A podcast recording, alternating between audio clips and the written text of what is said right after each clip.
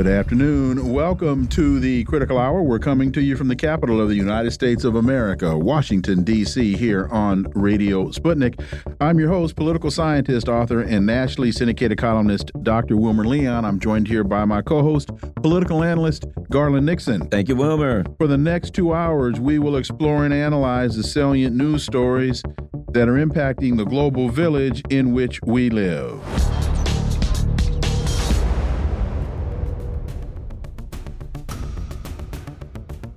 The World, the World Health Organization is soundly rejecting the Israeli invasion of the Al Shifa Hospital. Joining us to discuss this and more, we've got Laith Marouf. Laith is a broadcaster and journalist based in Beirut, Lebanon. Laith, welcome back to the Critical Hour. Thank you for having me.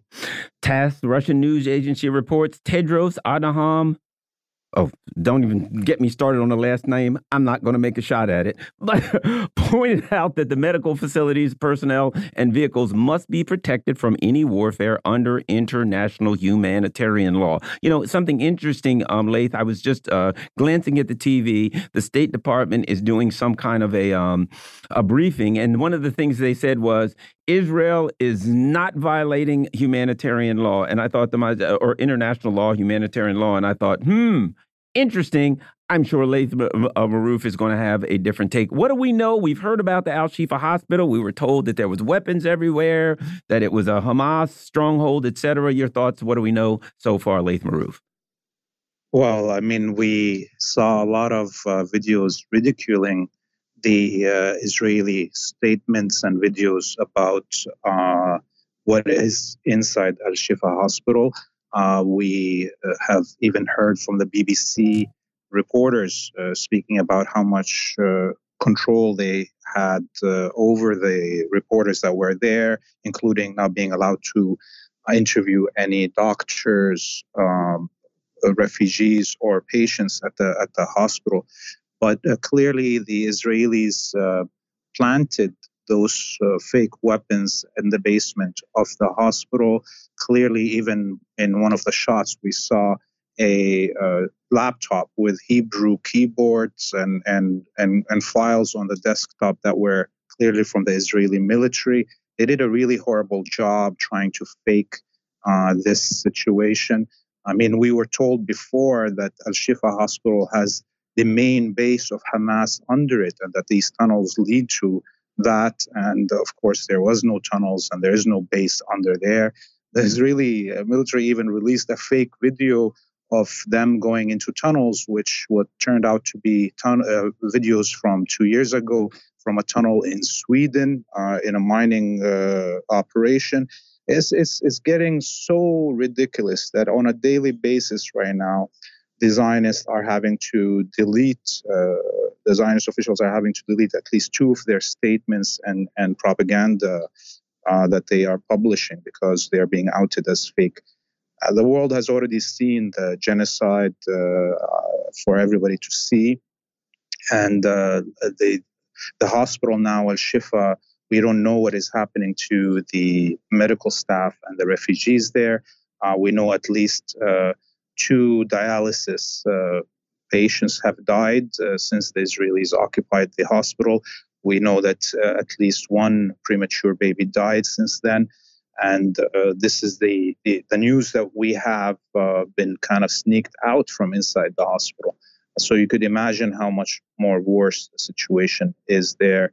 Um, and, uh, you know, yesterday and the day before, both is the Canadian and Australian government are starting to uh, kind of finally come to the conclusion that they may be liable for war crimes and starting to speak in language that hints to the commission of war crimes in uh, the Zionist in, in the Zionist attack and genocide of Gaza.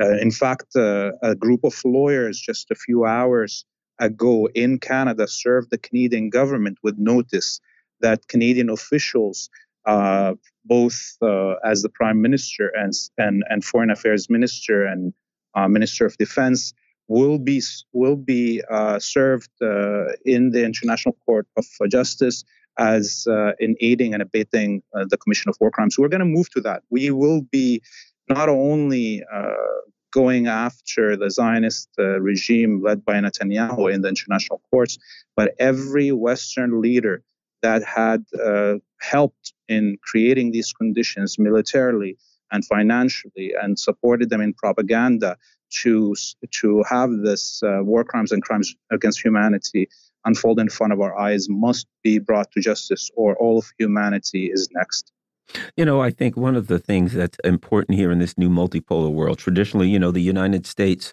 was has committed war crimes, God knows in how many countries, but in, you know, in the Middle East, in Iraq, in Afghanistan, in Syria, et cetera. And traditionally they had so much authority over the international legal infrastructure that they could do it with impunity. And I think the Israeli government seems to feel that, hey, we are under the umbrella of the US empire and therefore we can act with impunity. I mean, when you literally say we will not differentiate between fighters, military personnel, and um, and and civilians, that is articulate. That is the articulation of war crimes, a violation of international law. But I suspect that under um, a new multipolar world, it will be more difficult for people who are accused of war crimes who uh, to um, shield themselves from from the consequences. Oh yes, and and we have these two paths in front of us as humanity. Either we reassert international law and uh, humanitarian uh, international law that were written after World War II, um, and save the structures that were built, like the United Nations and all these institutions, to govern uh, international relations, or we might. We will be okay. in uh, under the law of the jungle. A absolutely, um, and that under the law of the jungle, basically. If yeah, and the law of the jungle, you know, it's interesting because that's the rules-based international order. The rules-based international order, as articulated by Tony Blinken et al., basically is whoever has the power um, does not have to be held accountable, and they can adjust the rules as necessary. Here's something interesting that that that that I think is of consequence. Um, and that, that a recent poll showed that nearly 70% of Americans believe the United States should call for a ceasefire in, Ga in Gaza. Listen to this, including two thirds of Democrats. I've seen up to 80% of Democrats and half of Republicans. That's a Reuters Ipsos poll. And um, only 32% of Americans say the U.S. should support Israel, which is a number down from 41%. So people are seeing the reality of what's going on. And um, we're starting to see that the United States government not only is not aligned with the rest of the world, the U.S. empire, the government, um, is not aligned with or representing its own constituents, who are people who look at this and say, hey, this is not right. We're just regular people. This is not right. Something should be done uh, to address it. Laith. Oh yes, and and and look uh, in in the countries like Canada and Australia, other colonies that have larger percentage of Arabic and Muslim communities than the United States, these numbers are even higher. Look at the millions that came out in the streets of England, for instance. And what we are seeing is now the in those countries that have uh, large Arabic and Muslim populations, uh, the governments are realizing that they're getting into a very testy situation because they are refusing to represent the will of the population. Uh, and they are supposed to be democratically elected. So here, if we have uh, 70% of the American citizens are saying that they want a ceasefire. Can you imagine what is that number in the UK and Canada and Australia? And we have not heard one politician yet uh, such a vote. I mean, yesterday there was a vote in the UK Parliament about a ceasefire, and less than 20% of the MPs voted for a ceasefire. In total, uh, opposite of what is the, the population in the UK wants. So this, uh, if it is uh, not solved now, if these governments not only stop uh, because the war crimes are being commissioned, but stop their support of the Zionist regime because their population wants it. We are, uh, these governments are setting themselves for uh, unrest within their countries. And that this unrest could be as unprecedented as, as the anti-Vietnam uh, demonstrations and movements in the in the 1970s and, and look at what's happening on the campuses in the United States, the police beating students when they go out on demonstrations. It could get to the point where they shoot these students. This is how serious it is for the whole world if these governments refuse to follow the will of their own populations and the will of humanity. Well, you know, it's interesting. When the Ukraine conflict started, one of the things that the U.S. neocon said was, "We're going to isolate the Russians," and, and or you know, of course, they're uh, a Cold War against the China. The Chinese. They're going to isolate the Chinese. They're always going to isolate people. When you look at the neocon government, UK, uh, U.S., etc., the entire global south is disgusted with what they're seeing. The populations of their own countries are disgusted with what they're seeing. The the you know the the death of innocent women and children, etc. You know, talk about isolated. They're not just the, the government of the U.S. and the U.K. etc. are not just isolated from the global south. They're isolated from their own population. You couldn't get more isolated than that, Laith. Oh yes, oh yes, and and this is where the danger lies for them. And I am also my heart uh, goes to all these uh, populations in the West that are out on the streets and trying to um, make uh, their government do the right thing because uh, all these students and youth and people of uh, racialized communities, the Black community, the Indigenous community, they all have their own um, you know, struggles to deal with of oppression, and uh, they are coming out in support of Palestine and Palestinian liberation and human rights, uh, you know, and risking their own, uh, you know, freedoms for this. This is a global cry, a human cry coming together, and I think um, we need to support each other uh, in this because this struggle is not going to be a short struggle. Um, I, I, I hope that we don't see much more death, but I, I my feelings is that the United States elites in the empire will not listen to their uh, their populations if these populations don't uh, go further in their rebellion. Yeah, and and you know, I think something that's important here, and that is, I was listening to what you said. They've opened a wound because it's a wound of colonialism that's worldwide. It's a it's a it's a it's a wound of imperialism worldwide because um, certainly the people in the Middle East, the people of Africa, uh, uh, Latin America, etc. They they look at the Palestinians and they see themselves in America. Native Americans, Black Americans, they look at what the government is doing, how they're acting against um, an indigenous population, a population that's you know brown or olive as opposed to lily white, and this wound is opened up, and they look at it and they say, "That's what they did to us." You know, so this is not just about Palestine now and the Palestinians. It's become opening the wound of colonialism, the wound of uh, uh of imperialism and genocide, and that's not going to close up and heal. I think this was a big error international error internationally for the um for for the U.S. empire. Oh yes, and uh, you know the Palestinian um, geography is what makes this uh, so central to human uh, you know, freedom, you know, where it is Palestine at the crossroads of cultures and at the crossroads of continents and, trade. And, and the fact that this land has seen many empires before try to claim it as their own and genociding people. So this is triggering uh, uh, all the lines of uh, human senses. And the leaders in the West and the Zionists uh, with them are telling all of humanity to disbelieve their eyes, disbelieve their ears, disbelieve their knowledge, and disbelieve their humanity to allow this genocide to happen. And this is why they're not uh, going to be successful.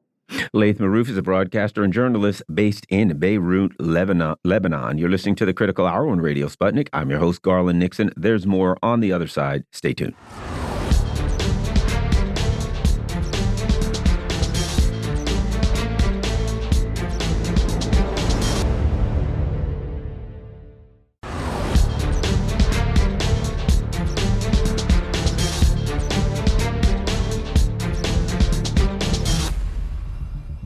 We are back, and you're listening to the Critical Hour on Radio Sputnik. I'm your host, Garland Nixon.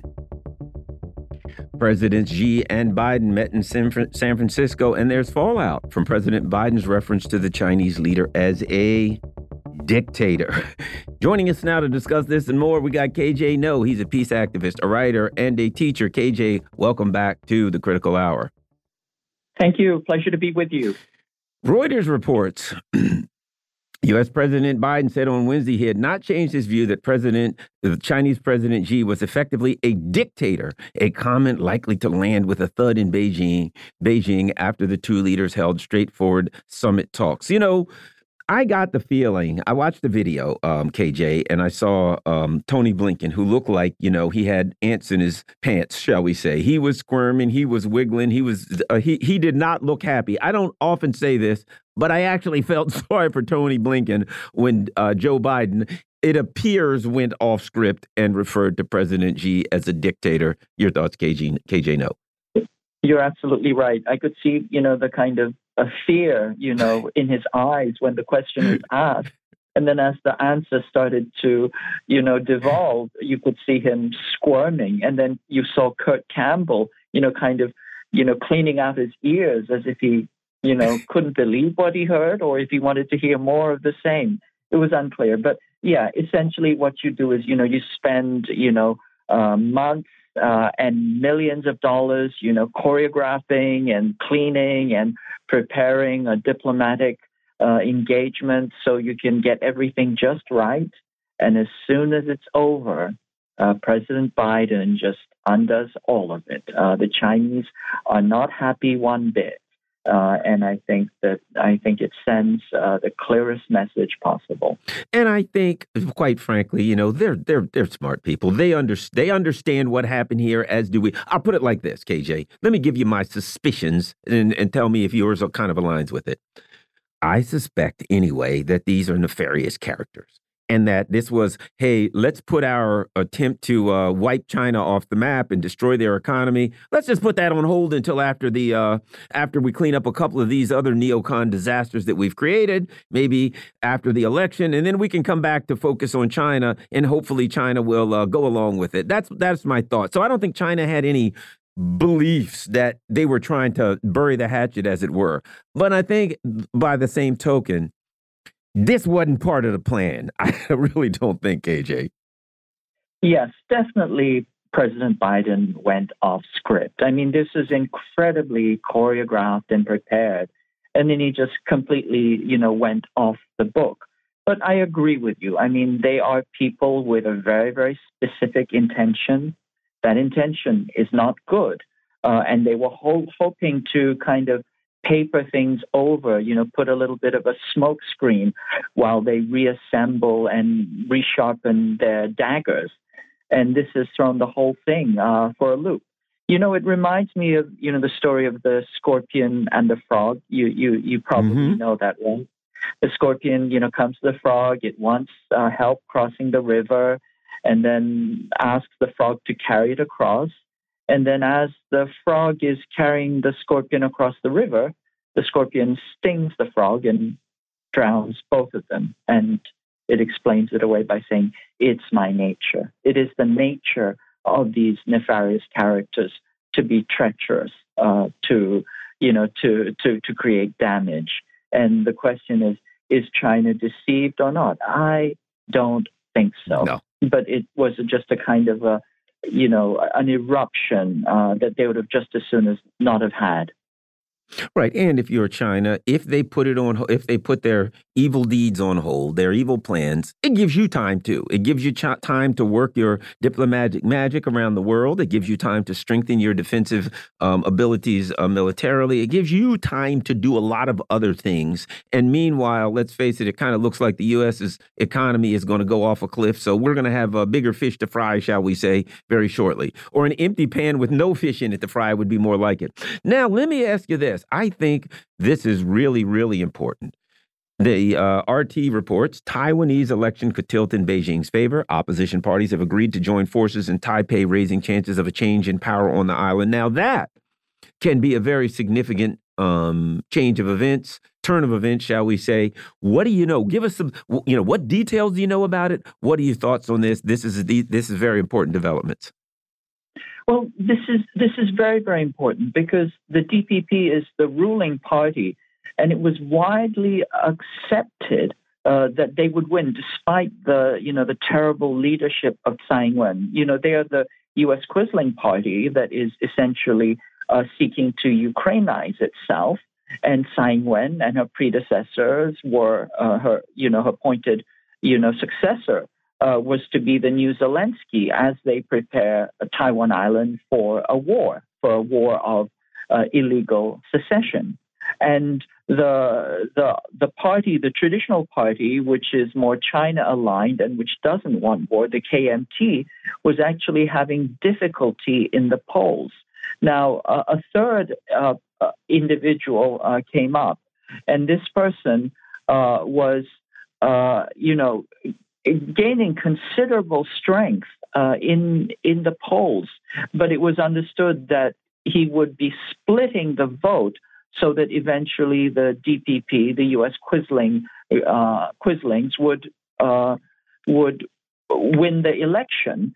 And now it seems, and it's very striking, that uh, both the KMT candidate uh, and the TPP, the TPP is the other opposition uh, party uh, have come together, and it seems that this KMT TPP slate would actually has a very strong chance of defeating the hawkish comprador DPP. That is to say, who Yu Yi uh, and Ko Wen-je, uh, the KMT and the T, uh, the TPP candidate, is probably has a very, very strong chance of defeating defeating the DPP, and that would essentially undermine the U.S. strategy to turn Taiwan into a provocation for war.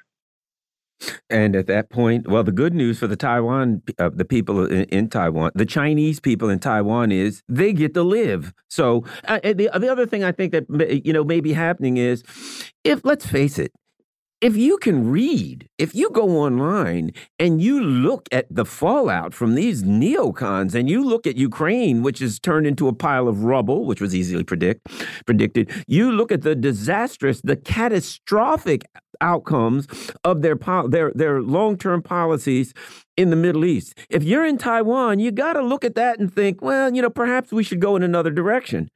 KJ. You're absolutely right. I mean, uh, the people on Taiwan province are watching what's happening in uh, Ukraine and and all around the world, and they can see that you know, as we've said many times, it is deadly to be an American ally, and they do not like one bit what is happening. That essentially, you know, the people of Ukraine have been ground down into bone meal uh, for U.S. Uh, geostrategic interests uh, and then the U.S. having essentially lost the proxy war is now walking away and leaving them to hang in the wind. And I think anybody who has any brains uh, on Taiwan Island and they watch the news carefully, and this is uh, generic in their, you know, uh, it, it's well circulated in their own opinion circles, is that they do not want any of what the U.S. is offering. Well, I think I'm going to give the um, the credit in Taiwan to some uh, crazy uh, American who accidentally tweeted something about the uh, plan for the destruction of Taiwan. We're, we'll give that guy credit. But that being, or the blame, yes. yeah, there we go. Or the blame if you're the neocons. Now, Something that I think is also important and relevant here, because let's face it, the neocons just don't throw in the towel, right? In the event that Taiwan falls apart and they can't turn turn Taiwan into a smoking pile of rubble for their own, uh, you know, nefarious uh, uh intentions, you got the Korean Peninsula. I suspect that's where they turn next. Uh, RT's reporting that uh, Pyongyang has warned of an overwhelming military response after the United States and South Korea unveiled a new, and I love the way they use this word, deterrence strategy. Um, I mean, the, the, the, the neocons always, I'll put it like this in Taiwan, China says there's one thing you can do that will cause a, war. And the neocons say, okay, that's what we'll do. And we'll say we're doing it to deter war. North Korea, what are your thoughts? Well, absolutely. I mean, just going back to Taiwan, uh, the Center for a New American Security, you know, which is the rhyming analog of the Project for a New American Century, has just come out with a position paper saying that the United States needs to prepare for protracted war against China over Taiwan Island. And, you know, I just wonder if these people understand that the Chinese wrote the book on protracted war. Uh, it's literally their book. And so for them to think that they can do this against China on their territory is an act of madness. But you're absolutely right about Korea. Currently, the United is the United States is escalating to the max. It has three places, three key places that it seeks to escalate, the three trigger points, if you will, against China. One is Taiwan Island, that's you know the center of the uh, encirclement, and then on the right side uh, to the northeast, you have Korea, the Korean Peninsula. That is traditionally the place in which uh, navies and foreign powers have invaded Korea. It's like the bridgehead uh, against which uh, the Chinese continent has always been invaded. Uh, Taiwan Island has always been the other bridgehead. They're both like Ukraine. This is where uh, all the paths go through. And then on the far left, on the western corner, is in the South China Sea using the Philippines as its proxy. So all of this is planned out, mapped out in intricate detail, and it's very, very detailed. Uh, but it's you know it's it's all provocation and escalation. These are all traps and triggers. And in particular, North Korea is probably the most dangerous one because it is the one that really has first has you know a history of fighting uh, the United States and fighting it to a standstill. It is nuclear armed.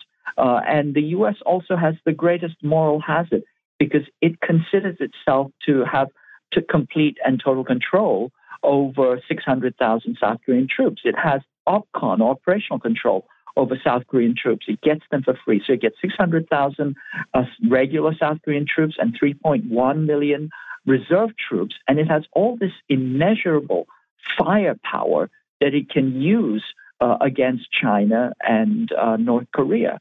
And currently, as we speak, you know, it has been doing, um, you know, nuclear bombing runs. It has been rehearsing nuclear bombing runs against uh, North Korea. And you can imagine the response that that gets from the, you know, from the standpoint of North Korea. Oh, thank you very much. That's KJ Noh. He's a peace activist, a writer, and a teacher. You're listening to the Critical Hour on Radio Sputnik. I'm your host, Garland Nixon. There's more on the other side. Stay tuned.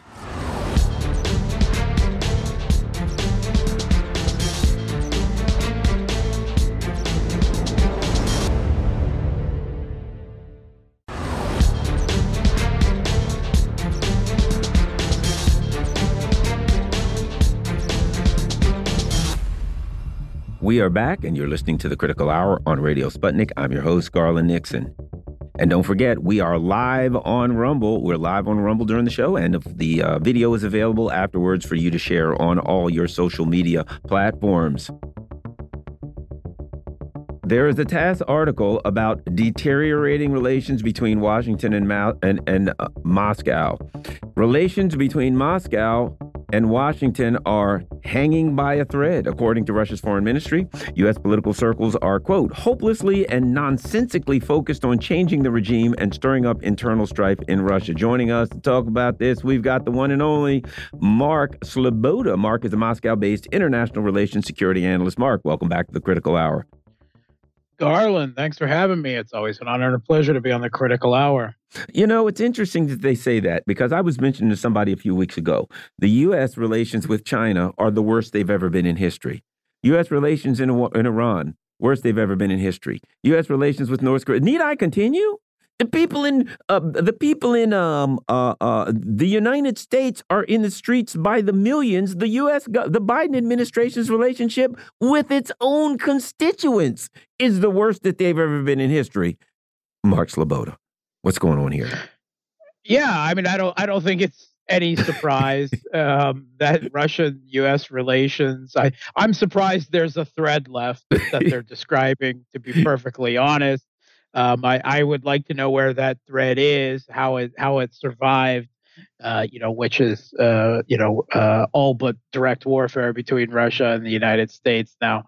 Uh, so um, I, I, think it is uh, interesting. In particular, one of the article, one of the line items uh, of the statement includes um, uh, the focus on changing the regime and stirring up an internal strife in Russia. And this comes up at the same time where a Washington, D.C. based NGO, the Free Russia Foundation, uh, connected with all sorts, the board of directors, uh, uh, chaired by David Kramer, a senior fellow at the oh, McCain geez. Institute, a former U.S. State Department Assistant Secretary, U.S. aid, um, and, you know, you know the usual uh, uh revolving door between the uh, these um, networks, and it has been.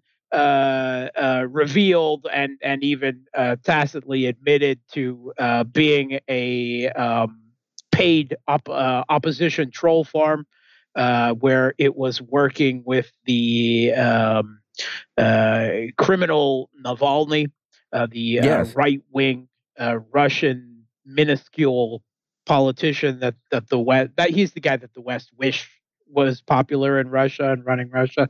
Um, uh, so all kinds of association there. So, I mean, this is classic American interference in Russia's domestic politics and political system. Uh, you know, you know all, all, those claims that Russia was interfering in um, uh, American elections. This is actual evidence of interference. If you want to know what it really looks like. Well, here's the thing, Mark. And I like the word they used. It hopelessly and nonsensically focused on changing the regime and stirring up internal strife in Russia because they look like idiots. When you look at what they're doing, the uh, the the government of Russia is more popular now than it was before the beginning of the special military operation. The Russians are this more popular around the world. In Africa, oh, you see, every time I see a protest in Africa, there's Russian flags everywhere. South America, Haiti, Russian flags flopping all over the place in the wind. So they're going to, um, oh, uh, uh, they're going to cause internal strife and isolate the Russians. Last night, there were a bunch of people arrested because they were protesting in front of the Democratic National Committee headquarters, and they're trying to isolate Russia. I don't think their plan has worked real well, Mark. I would agree. It has uh, most certainly not worked well at all, and Russia's, uh, you know, continuing cooperation with China it, it's just amazing to me how the Biden administration, uh, Biden in particular himself, manages to blow up every relation. The last time he had a major um, uh, meeting with the Chinese leader, he opened his mouth and uh, in the hours after and tanked uh, everything that that the U.S. Uh, had done diplomatically during the meeting. And once again, um, uh, Biden met on the sidelines of the APEC summit with the Chinese leader. And within hours afterwards, he's uh, confirming to the press that, in his view, because the Chinese have a different political system than our own, the Chinese leader is a dictator. And it, and it's just a, an incredible cell phone. Uh, Biden is the gaff machine that never stops giving. I don't even know if it's a gaff. Machine. I was about to say it. It, it, it, seems that he actually does it on purpose. Well, you know, uh, Mark, I tend to think that they beforehand they had a meeting and they all said, "Whatever you do, don't say this, this, this, or that." And Joe Biden, let's face it, half the time he can't find his way off the stage. Mark, you know, the idea that this guy is saying things that he wouldn't, shouldn't have, to, shouldn't say is should not be shocking to anyone. We'll leave it at this. Now let's move on. U.S. support for Ukraine is, quote, nearing its inevitable end, according to D Dmitry Medvedev. You know, uh, Mark, uh, uh, uh, uh, for you've been listening to me. We've had discussions. Might have seen some of my podcasts. All along, I've said the same thing. You are what your record says you are. Vietnam, they're out of when it went flop, they're out of here. Afghanistan flops, they're out of here. If you are an ally of the United States and you allow them to push you into war with some kind of power or push you into something, you're going to get slammed, torn to pieces, and at some point, they're just going to pick up, excuse me, after they've made every dime they can and filled their stinking pockets, they're just going to pick up and walk away. I suspect that's what's happening in Ukraine. The money's drying up, and they got uh, bigger fish to fry in other parts of the world, Mark. Yeah. All right. So, I mean, uh, Medvedev uh, in, in the same post acknowledges that Washington's support would not dry up overnight. He says more money will be squandered. There'll be more schizoid rhetoric um, uh, and so forth. But I, I think he's right that this there is a a turning point uh, in where now questioning at least of the aid and challenging it has entered the political mainstream, even if eventually Congress, in some type of uh, backroom deal on uh, border security money and issues that the Republicans uh, that are holding it up find most dear, that that still it, it when this next comes up, um, it will be uh, even harder the next time. So I think he's right. And I mean, you would think that U.S. proxies around the world would take a look at the lessons of their predecessors. I don't know how many times, how many dro- groups of Kurds have been thrown under the bus, but they keep coming back for more. Um, I mean, if you take a look at what happened to the uh, Afghan government uh, and security forces that the U.S. In, installed there um, uh, you know, uh, the complete lack of U.S. support uh, for the Libyan government after they helped uh, bomb Gaddafi out of power. Um, they th- there's always seems to be some stupid proxy that that thinks it will be different this time for them, and that seems to be Ukraine right now, or uh, have been Ukraine although now they, they seriously, I guess, are, are going to start questioning, uh, or, they should start questioning, you know, which what, what they have laid down to bed with. Yeah, well, um, another uh, interesting article: R situation in Ukraine shaping up in Russia's favor. In, uh, according to a, a, a, British journalist, here's the thing about it. In in other news, uh, breaking news: water is still wet and fire is still hot you, you don't, it doesn't take, you know, they've been going on for I don't know how long the Russians are fighting with shovels and washing machine chips. They're losing. They're being overrun all over the um, the line, etc. They're losing troops ten to one to the Ukrainians. And now, when the war, you know, the Ukrainians are pretty much toast. They're just about. They're going to soon be out of ammo. And now, finally, they're like, perhaps things are turning in Russia's direction. It's to me, that is a major sign they're starting to prepare their public for as soft a landing as they can possibly have here, Mark. Yeah, I, I think that the front lines uh, are collapsing. Uh, and I believe that the front lines of the Western mainstream media propaganda, they're collapsing. They're buckling everywhere. They're journalists. They're hacks are uh, uh, uh, throwing down their their uh, keyboards and they're retreating back to the uh, nearest defensive position that they can hold up in, which I believe is called uh, stalemate fortress. I think I think that's yeah, where they've, exactly. they've retreated. They, stalemate. They've, they've retreated from retreated from the Ukraine is winning beachhead down back down to the um, the uh, stalemate fortress. That's that's where they are now. Um, I think this is actually most interesting in who this particular journalist is.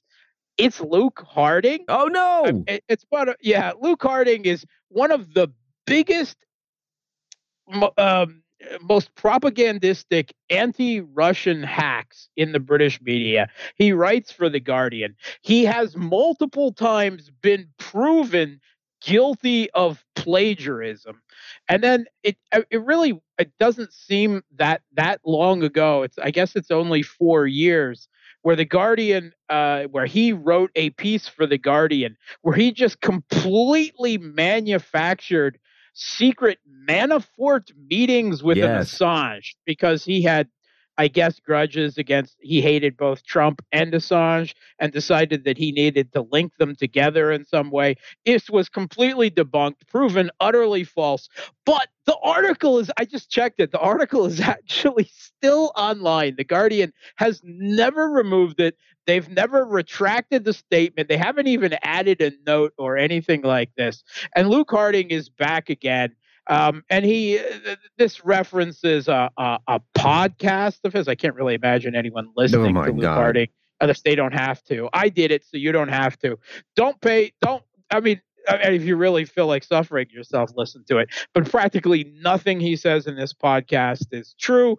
Uh, everything is a complete reversal of reality, except for the fact that he's now noticing finally that things are shaping up in in Russia's favors. But don't count Ukraine out yet because he's been there, and and the um, uh, morale in Ukraine is much, much higher than it is in Russia. And I'm, I'm like, maybe in the alternate reality that Luke Harding seems to still live in, where he's not a plagiarist and not a ser- serial manufacturer of fake information, this might be true, but it's not in this one. Alas, Luke Harding. Yeah, I would imagine that after this, Luke Harding wrote that that the Russian general staff immediately called a meeting and said, "Oh no, we're in trouble. If Luke Harding, if Luke Harding says we're winning, that things must yeah. be on a downturn for right, us because this yeah. guy has never told the truth." But, well, I think one, yeah. Uh, as as my dad would say, he told the truth once, but he lied his way out of it. Mark Sleboda is a Moscow based international relations security analyst who is, well, he's Moscow based. Of course, he's in Moscow. You're listening to the Critical Hour on Radio Sputnik. I'm your host, Garland Nixon. There's more on the other side. Stay tuned.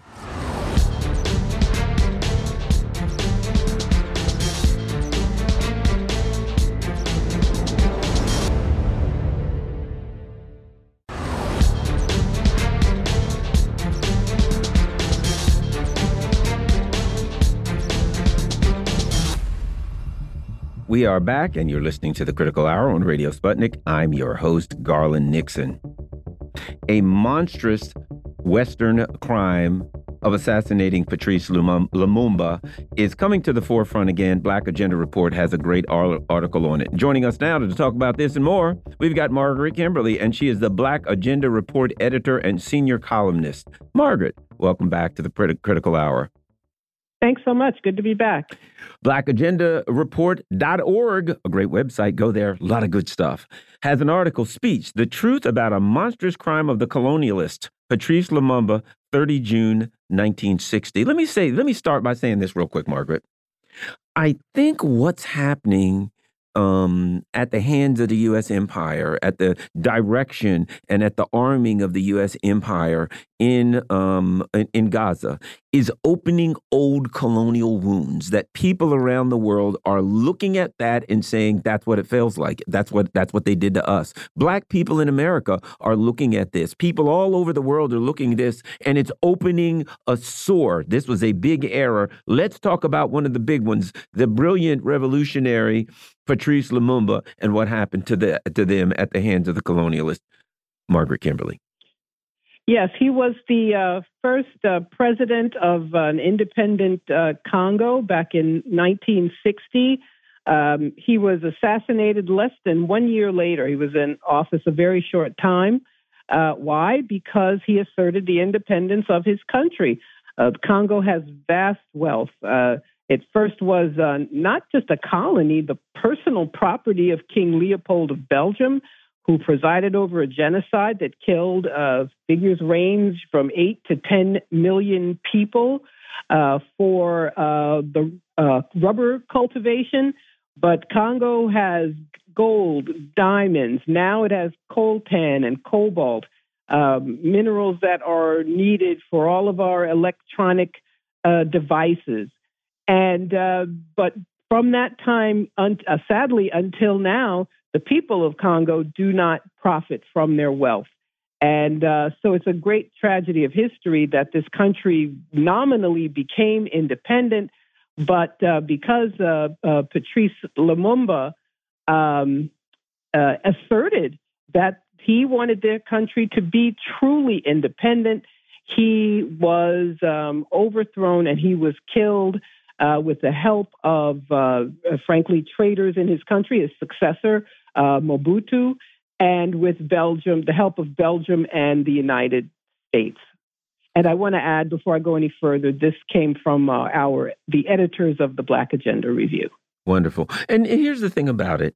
When you look at that, you can look at the deed, the ghastly deed itself. And I mean, how horrible these people were. There were stories later that somebody had a tooth from him that they had um, years later somewhere in Belgium, that they had cut his body up and thrown it in acid, all these ghastly details. But then Look at what has happened. Here's a man who had a vision for the uh, for, for Congo, had a vision for it. He was working on enacting the vision. What he was doing was actually working for the people of Con uh, Congo. The colonialists come in. All the lives that have been lost in civil war and strife, all the poverty, all of that is because they killed this man. You know, uh, you couldn't even put a number on the amount of wealth that's been stole, stolen and the the amount of pain that's been call, call, caused in Congo and the fighting in neighboring countries related to Congo. Margaret. Yes, and the U.S. even pays millions of dollars to neighboring nations, Uganda and Rwanda, who are both client states of the U.S., to uh, invade eastern Congo and pillage and loot. So when you hear about the latest mass uh, killing there uh, that began in the early uh, O's and about 6 million people died, that happened because of U.S. Uh, interference. Uh, and uh, this militia group that would not exist without Uganda and Rwanda, that all happens because of the U.S. and ensures that the U.S. and European corporations get their loot and they get it without any problem, and the people of that nation continue to suffer. Absolutely. And uh, from uh, uh move on for, from there, another country that um, again is suffering from U.S. imperialism, um, and this is Black Agenda Report editor. As I said, go to blackagendareport.com. They got a lot of great articles, and you, you really, excuse me, dot org right? A dot org now. Yes, a lot of great org. articles. and uh, so, Kenyan police in Haiti a betrayal of principles and a dance with imperialism. And why this is particularly, uh, uh, I think, critical is that if you look at the history of the Kenyan, these Kenyan um, uh, uh, operatives, imperial operatives, a, uh, imperial army, they are particularly brutal and violent. And they've killed, beaten, and tortured people. And now the U.S. empire wants to set them loose on Haiti. Margaret. Yeah, this piece came to us from the uh, Communist Party of uh, Kenya. Uh, Kenya, quote unquote, volunteered to send a police force to uh, Haiti, but it, it's again a U.S. client state. The U.S. wants to occupy Haiti again. The U.S. and France and Canada, the nations known as the core group, with the help of the UN, which does not play a good role here, to occupy Haiti again. But in order to make it look good, they need black nations to participate. So they've made a big deal out of showcasing Kenya as one of the countries that's going to send a police force, which will undo the violence in that country, which is caused by the oligarchs who are connected with the U.S. Um, but uh, in Kenya, fortunately, first the court decision said that it was a violation of their constitution to send this police force outside of the country. And the government recently said they wanted more money. They wanted money upfront from the United Nations before they did anything. But the point of this piece is that it's this is not about money. It's blackface imperialism, and that is what people need to keep in mind. And an occupation of Haiti is no better because a, a black, uh, ostensibly a black-led nation like Kenya sends its troops to do the dirty work of the core group. It almost sounds like next you're going to tell me I shouldn't trust the Black uh, Congressional Black Caucus, Margaret. You're funny. no, you should not trust the Congressional Black Caucus and people like Hakeem Jeffries, who uh, went to the CARICOM summit and they sent Kamala Harris too. That means they were definitely up to no good uh, wanting Caribbean nations also to participate, and Jamaica and uh, uh, I believe Barbados have uh, also volunteered to take part in this really terrible effort. They should not have anything to do with it if they have any integrity. Let me just say this. I think one of the important um, things that the uh, uh, uh, uh, uh Black Agenda Report and its um, related uh, writers and, and, and, and editors, et cetera, over the course of time have served. You know, I remember during um, Obama's administration, is to hold to account the black misleadership class, to not accept that neoliberal, oh, well, we have a black person, or now then they don't they have like Kamala Harris, I mean, Kamala Harris, they'll just use like person of color. Okay, now you've got a person of color in charge, which means that you're okay, don't worry about it. And of course, that person of color treats you know, treats you far worse than e even if it wasn't a person of color. And I have this. You ever notice this, Margaret? That they never say to white America, hey, you've got a white president now, you have nothing to complain about. But black people, it's like you got a black vice president, everything's wonderful for you. It only applies to black people, but it never seems to work out, Margaret.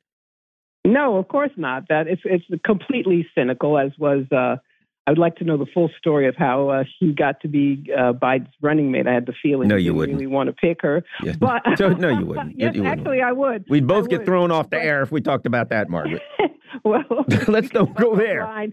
But, but um, uh, this this is a problem, and we cannot be fooled by, as we've said at Black Agenda Report over the years, black faces in high places in the U.S., around the world. We have to look at what people do, and countries like Kenya act on behalf of the U.S. and its friends and not on behalf of their own people. And they're certainly not acting on behalf of the people of Haiti. Speaking of another country that's mistreated and abused by uh, U.S. imperialism, Cuba. And I lost my story, yeah. but I'll find it in a second, Margaret. Uh, oh, there we go. It's on Black Agenda Report, so I know it has to be good. The U.S. The U.S. blows off the whole world to punish Cuba. And basically, the entire world is now looking at the U.S. empire saying, What are you doing?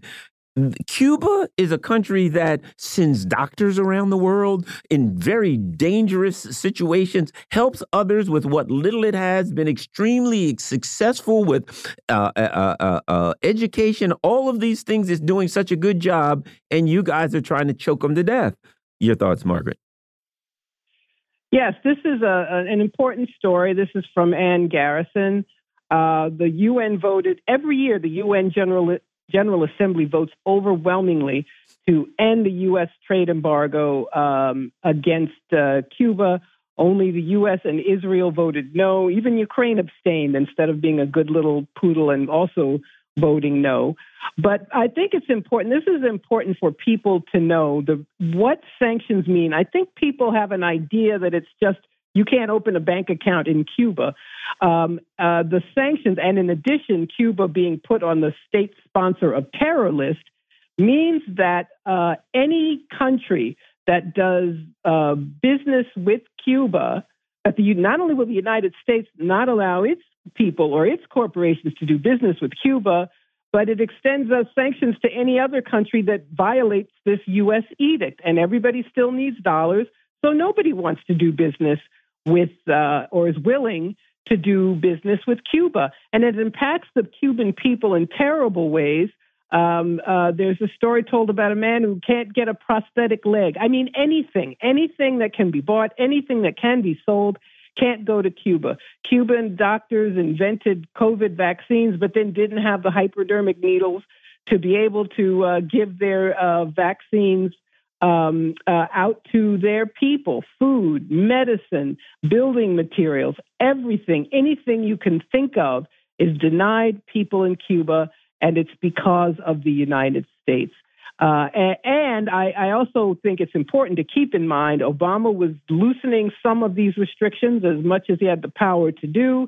Trump undid them, and Biden is sticking with Trump. So, so much for Biden being uh, harm reduction or lesser evil. He certainly is not for the Cuban people. Well, absolutely. Well, and and you know what people I think are starting to learn, Margaret, is that this whole business about uh, Biden, Trump, whoever the case may be, it's all a fraud. And what you've got is an empire, and they all are pushing the imperial. Uh, you know, imperial um, uh, uh, uh um, a project. About thirty seconds. Yes, that's and that's how they get to be president, isn't it? Um, you know, we have an oligarchy that rules the country. Um, and so we um, so we have a, a continuation of policies, or, or, even a reversal of a small improvement, as we saw from Trump and now from Biden. That's correct. Yes, Margaret Kimberley is a Black Agenda Report editor and senior columnist. Um, go to blackagendareport.org for more. You're listening to the Critical Hour on Radio Sputnik. I'm your host, Garland Nixon. There's more on the other side. Stay tuned.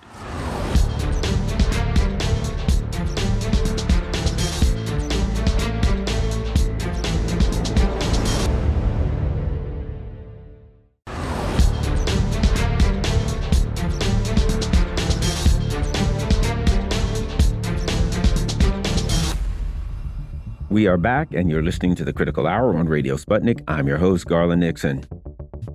There are reports that significant amounts of the uh, financial aid that has gone from the United States to Ukraine has disappeared and has been pilfered into the hands of uh, the oligarchs and various other criminals. Joining us to discuss this more and more, we th this and more, not more and more, and more. We've got Ted Rall. He's a political cartoonist. He's a syndicated columnist, and most importantly, he's a host of The Final Countdown right here on Radio Sputnik. Ted, welcome back to the Critical Hour.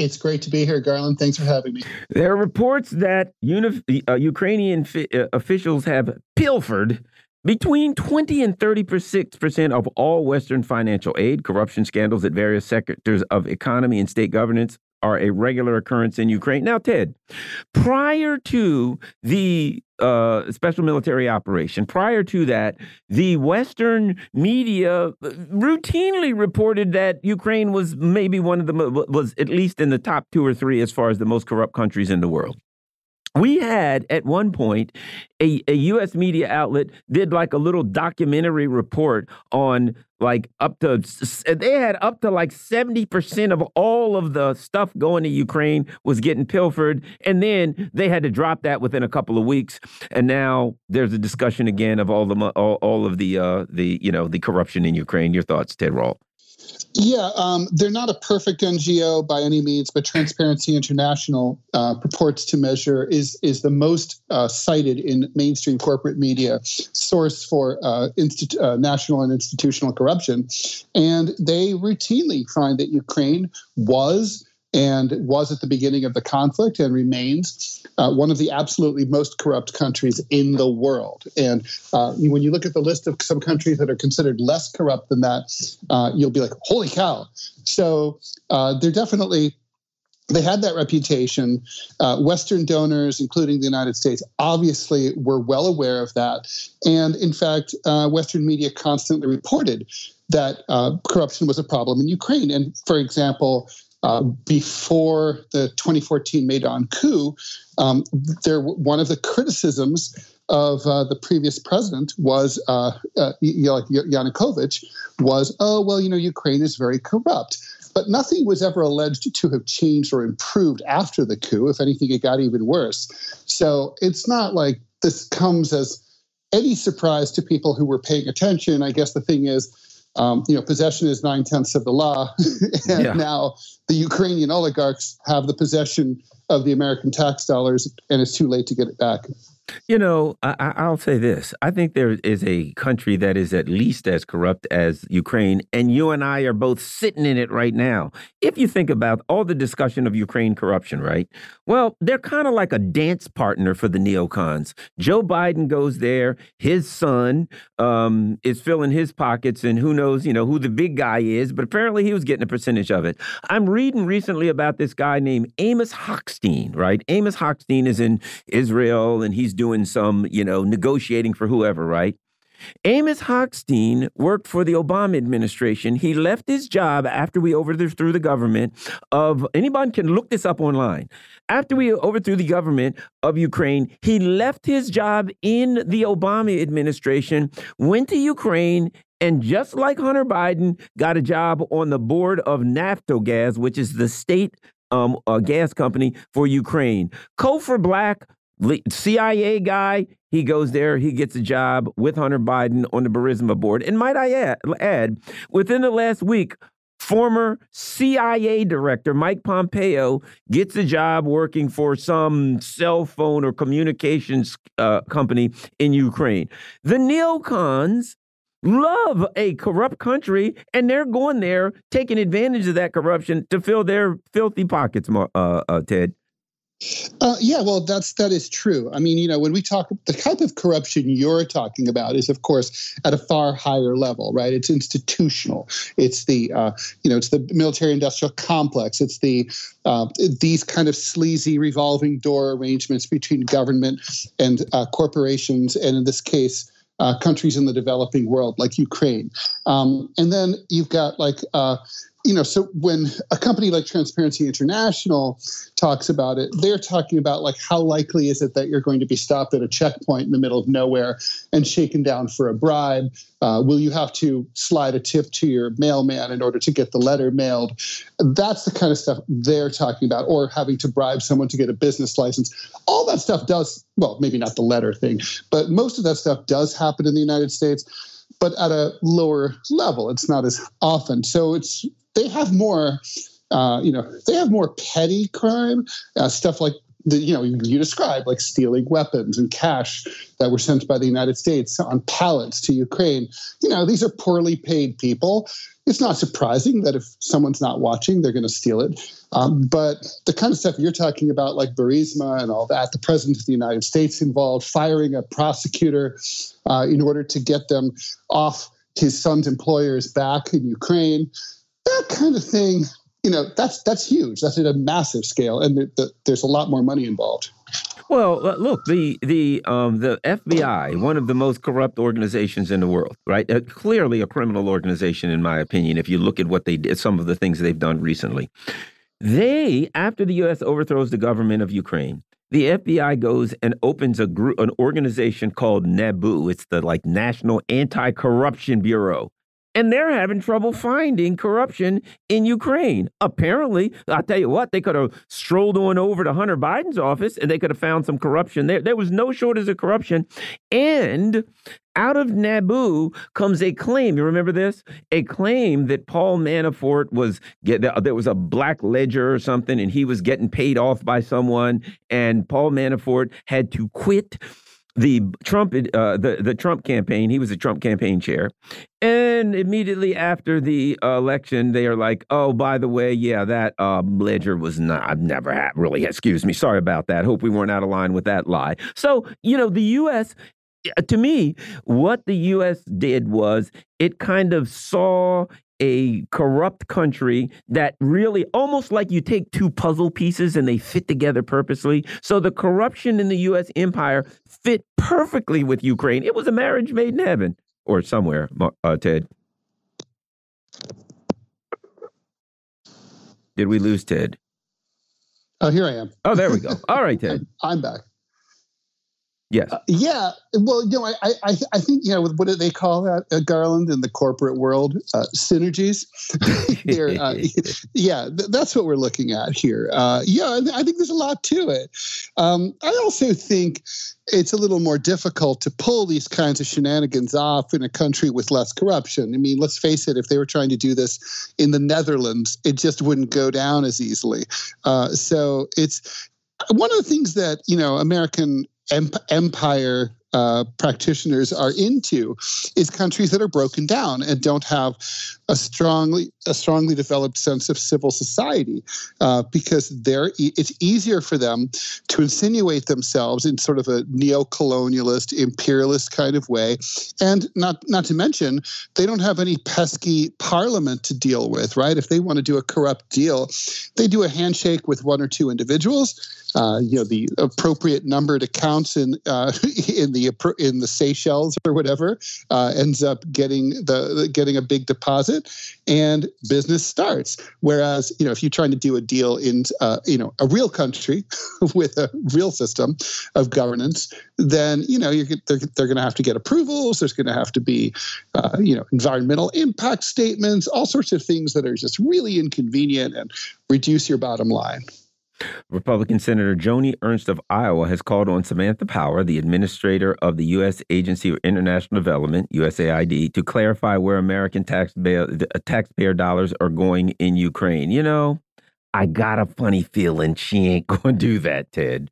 she's a horrible person. Um, you know, and the worst thing, it, it, I don't really mind people being horrible. I mean, some people have to be horrible.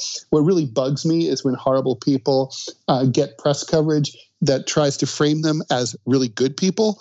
Um, and she's one of those people. Uh, she gets the kind of coverage like, oh, you know, like I forget the name of her book. It was something like The Education of an Idealist or something like that. Where, and I mean, even the, the name makes just rubs me the wrong way. Like, oh, you know, like it's bad to be an idealist. Uh, but, you know, look at me. I'm an adult. I'm so mature. I gave up idealism. Uh, it's just, it's so disgusting. It's like anti morality.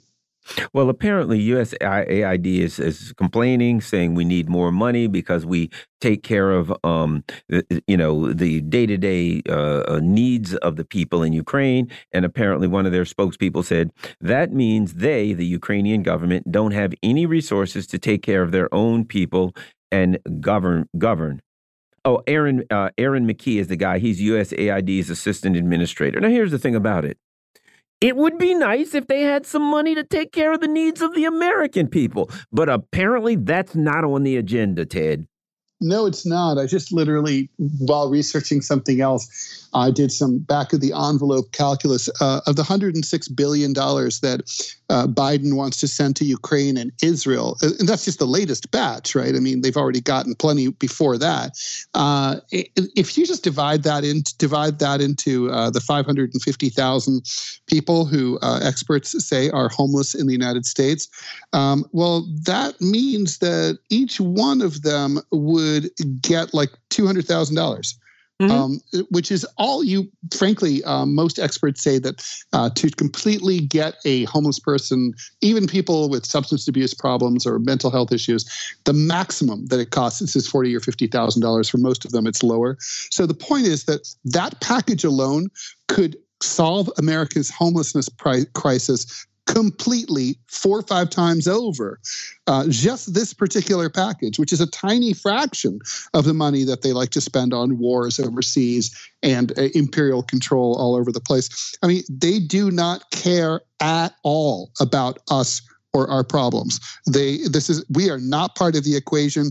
We're just there as as cattle to be slaughtered and, and fed into the they're banked into the trough.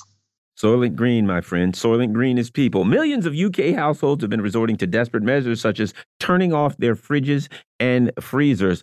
You know, if you look at, you think we got it bad now. The, in, in, in Europe, their economy is being decimated. It's just wasting away to nothing, and the, all they get is more. We got to send more money to Ukraine or support Israel or whatever, Taiwan, whatever the neocons drag their quisling, traitorous leaders um, into next. They're going to do it, but it seems like it's coming down pretty hard on the people in uh, in in in the EU. Um, Ted. Yeah, it, it is. But, uh, you know, unfortunately, as our, our Marx uh, and our Engels teaches us, uh, you know, the people have to be even more miserable than that before they decide to do something about it. But yeah, no, it's, it's, they are getting, it's, it's miserable. And, um, you know, it's going to probably continue to get worse until it gets better, before it gets better. Oh, absolutely. I, I think you're right. And, and now, well, we're seeing people, I tell you what I think. We're seeing people in the streets um, over the, um, the, the the Middle Eastern crisis, but I suspect at some point that will turn into the uh, you know to to to um, expressing the anger and angst for all of the things that their governments have been doing that which is pretty much nothing on their behalf. Ted, you get the last word. Yeah, well, I certainly hope you're right. I mean, that that, would be some uh, some fair, that would be totally fair and just. Um, this seems like the kind of issue that is so the Middle East crisis is so clear cut. Uh, you know, people too who defend Israel talk to say it's moral clarity. I, I think the moral clarity is on the other side. Ted Rall is a political cartoonist. And don't forget, you can go to rall.com, R A L L.com, for all of his good work. He's a syndicated columnist and host of The Final Countdown right here on Radio Sputnik. You're listening to the Critical Hour on Radio Sputnik. I'm your host, Garland Nixon. There's more on the other side. Stay tuned.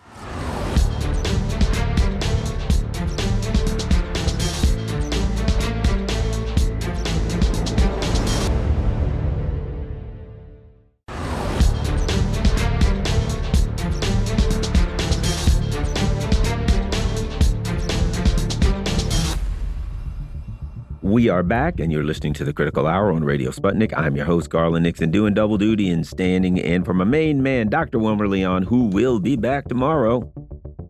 The uh, African people are making a push for economic justice regarding colonial theft of resources, and the Ukraine aid may be coming to an end. Joining us to talk about this and more, we've got uh, Dr. Linwood Tauheed. He's an associate professor of economics at the University of Missouri at Kansas City. Uh, Dr. Tauheed, welcome back to the Critical Hour. Thank you, sir. Africa aspires to benefit from its riches. The message uh, dominated the summit of leaders from the continent that Russia hosted this summer. That was the Africa Summit. Um, while technically no longer under colonial rule, many African nations are still suffering from an unjust economic system that extracts raw materials from the continent, predominantly for the benefit of the developed world. Developed world. You know, uh, uh Dr. Tauheed, my, I guess I probably told you, my sister's a CPA, and for many, many years, whenever I talk about these issues, she always said the same thing. Garland, it's always about the money. But Africa, I think, is waking up to say, wait a minute, you know, okay, you know, we are, you know, the time has passed, all this other kind of stuff's going on. Yeah, you are starting to acknowledge slavery and say, I'm sorry for slavery. Can we have our money back in that case, Dr. Tauheed? Well, this uh, the idea that uh, colonialism has ended in Africa, um, uh, politically, perhaps, but but the economy uh, of of, Afri- of African countries is still in a colonial relationship with its European colonists. Um, uh, that that relationship is is one in which the raw materials and the labor to extract that raw materials, uh, which is extracted from Africa, gets pennies uh, in, in, return for that that those uh, those uh, raw materials going to European countries where they're turned into final final goods and then sold, and the profits are in dollars. And so that relationship, even though there is not a uh, say French control or French uh, government uh, parliament in, in francophone countries, eh, they still have that the economic relationship. Yes, the money is important, and it is the economic relationship that maintains neocolonialism in African countries. You know, I think um, a, a, number of things are happening. I do think that um, you know the the the move the, as the world moves to multipolarity, African countries are feeling empowered. I also think right now, to be quite frank, one of the things the, the things that are going on in Gaza are opening old colonial wounds. I think there are a lot of I've heard it said by black people right here in America. Hey, that kind of looks like what they did to us, right? I think they're opening some old colonial wounds, and that countries that have suffered under colonialism are no longer to uh, willing to accept, I'm sorry. If you steal my car, I'm sorry is not good enough. You got to give me my car back. And you have to make up for the time. If we go to court, you I can sue you for if I lost money from that car, if that car was devalued, all of those things. I think the people in Africa are waking up to say we have a right and a duty to our people to ask for the just compensation. Dr. Uh, Dr. Tauheed. Well, think about the, the fact that African countries that have provided these raw materials, like uranium, for example, to to um, to France. Uh, the French um, uh, nuclear power industry is robust. It makes a profit. Uh, the uranium that that drives those nuclear reactors in France uh, come from African countries, uh, and yet those African countries cannot generate enough income from the sale of their their very precious uranium and so they have to go into debt.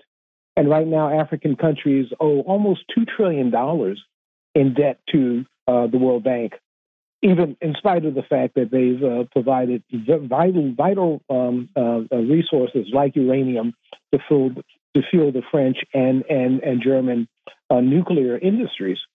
And so they, they've got not, not gotten a fair price uh, for their products. Now, international trade is supposed to benefit both partners. But that depends on the relative power between the partners.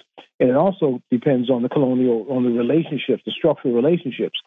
And so while people in, in African countries are desperate for food, clothing, and shelter, uh, they find that even even when they, they provide their precious raw materials to European countries, it's not enough to purchase the food, clothing, clothing and shelter that they need. And so they have to borrow money. And so there's a double enslavement here. Their, their raw materials are being sold for pennies on the dollar, and and then then they also have to borrow money in order to buy the food that they used to be able to grow. And I think there's evidence of the mens rea of the of the criminal intent here of the colonialists, not the, the you know not for them to just talk. Oh, that's the way it worked out. I'll give you an example. Um, Evo Morales, former Bolivian um, leader who was cooed by the U.S. and and and and its uh, uh, um, partners, and, and looks to go, come back to power soon. But he told a story, and he said basically lithium. You know, uh, under uh, under his um, uh, movement for socialism, which is certainly unacceptable in the U.S., but under his party, the move move uh, um, move towards socialism, the the the um, uh, uh, economy was growing faster than any country in South America. So they have lithium. He decided to go to South Korea and to discuss processing of the li lithium. How I can, yes, we can mine the lithium, we can process it, and we can make the big money after it's processed, right? We can have the whole kit and caboodle from beginning to end. And so he discussed what would it cost. I forgot the number. They said hundreds of millions of dollars or whatever to have the lithium processing uh, uh, um, plants. To which he said, he answered, We got that. We can do that. Okay. And then he came to find out the U.S. nixed it. The U.S. said, oh, no, no, no, no, no. These people are not going to do that. We see that time and again. We see that with cacao and chocolate, wherein the um, the empire, the colonialist companies say, we are going to get the raw materials from you and, you know, abuse your people working in dangerous mines but we're not going to allow you to make the big money off of it. That's what we have to make in our countries, Dr. Tauheed.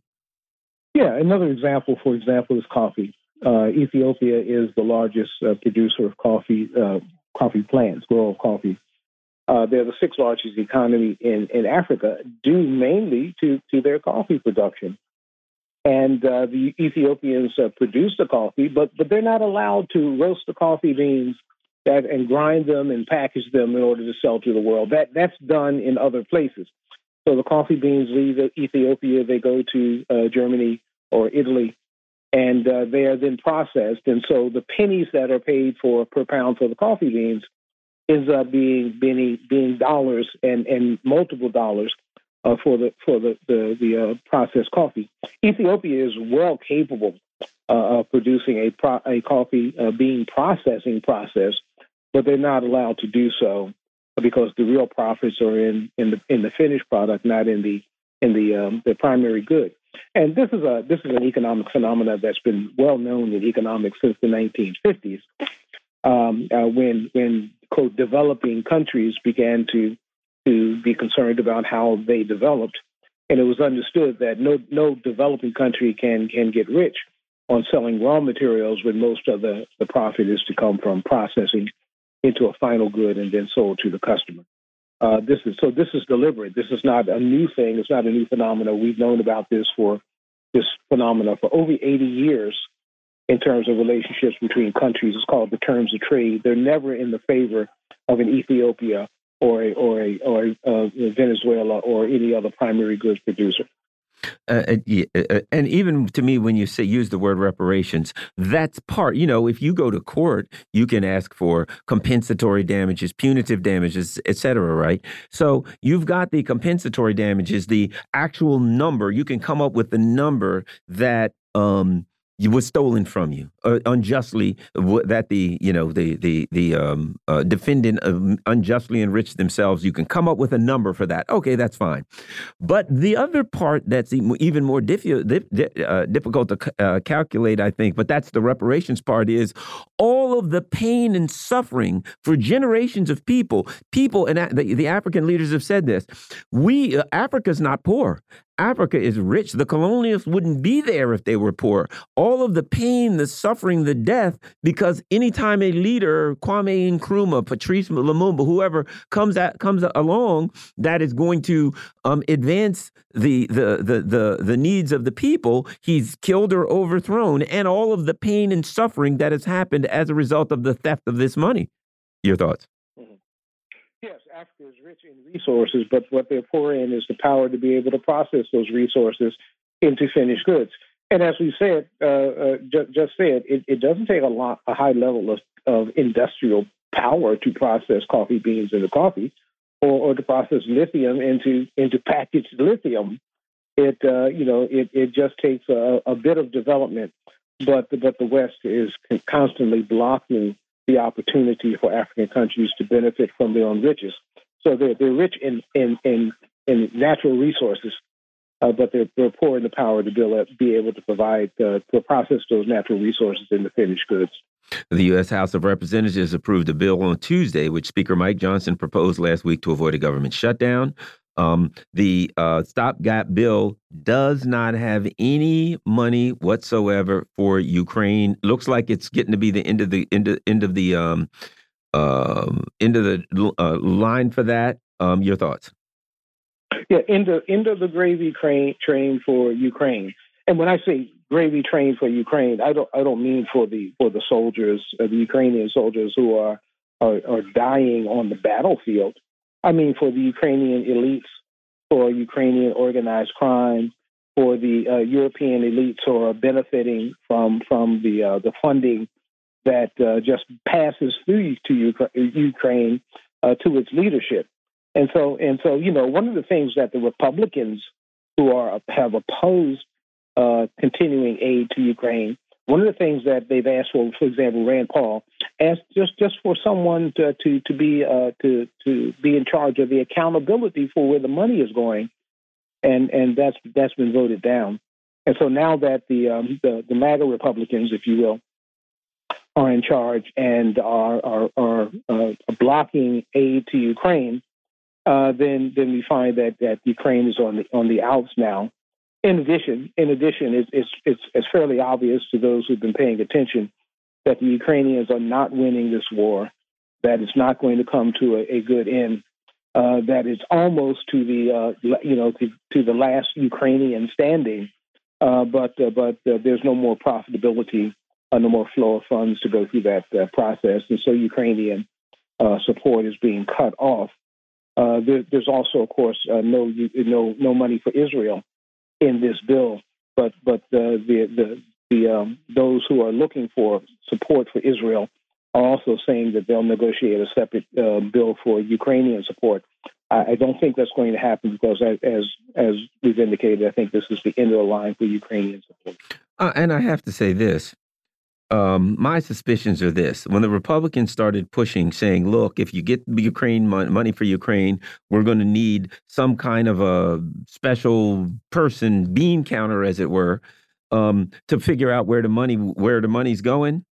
They ain't no, they're they're going to stop asking for money because Mike Pompeo just took a job in Ukraine for some telecommunications company on the board right? So to me, they, they're like this. Come on, if we let you know where the money's going, we'll all be in jail. So as far as they're concerned, at that point, they've made all they can. They've squeezed this orange as much juice as they can out of this orange, and I think uh, they're about to close the shop and move on to other um, uh, misadventures where they can fill their pockets. Uh, Dr. Tauheed. Yeah, I think you've also raised the point. Is you know we we we forget uh, perhaps uh, these this Burisma uh, uh, process that, that Hunter Biden was was uh, has been involved in, and uh, sitting on a board. I think he was getting oh was it fifty thousand a month, sitting on a board where he had no experience, and and this is coming up in in congressional hearings. This this connection with Ukraine, and so I guess if you if you no longer ask for money for Ukraine, that's supposed to go away uh, because, as you said, there, there are lots of folks, both Republicans and Democrats, who are uh, have their their hand in the till in the Ukrainian till. If you can continue to put to put money there, then someone may figure out where it went. So so that also causes a stop in the flow of money to Ukraine. Yeah, I think they're going to cl close the Ukraine bank, turn the lights out, take the flag home, you know, put the flag down, down and leave. Dr. Linwood Tauheed is an associate professor of economics at the University of Missouri at Kansas City. You're listening to the Critical Hour on Radio Sputnik. I'm your host, Garland Nixon. There's more on the other side. Stay tuned.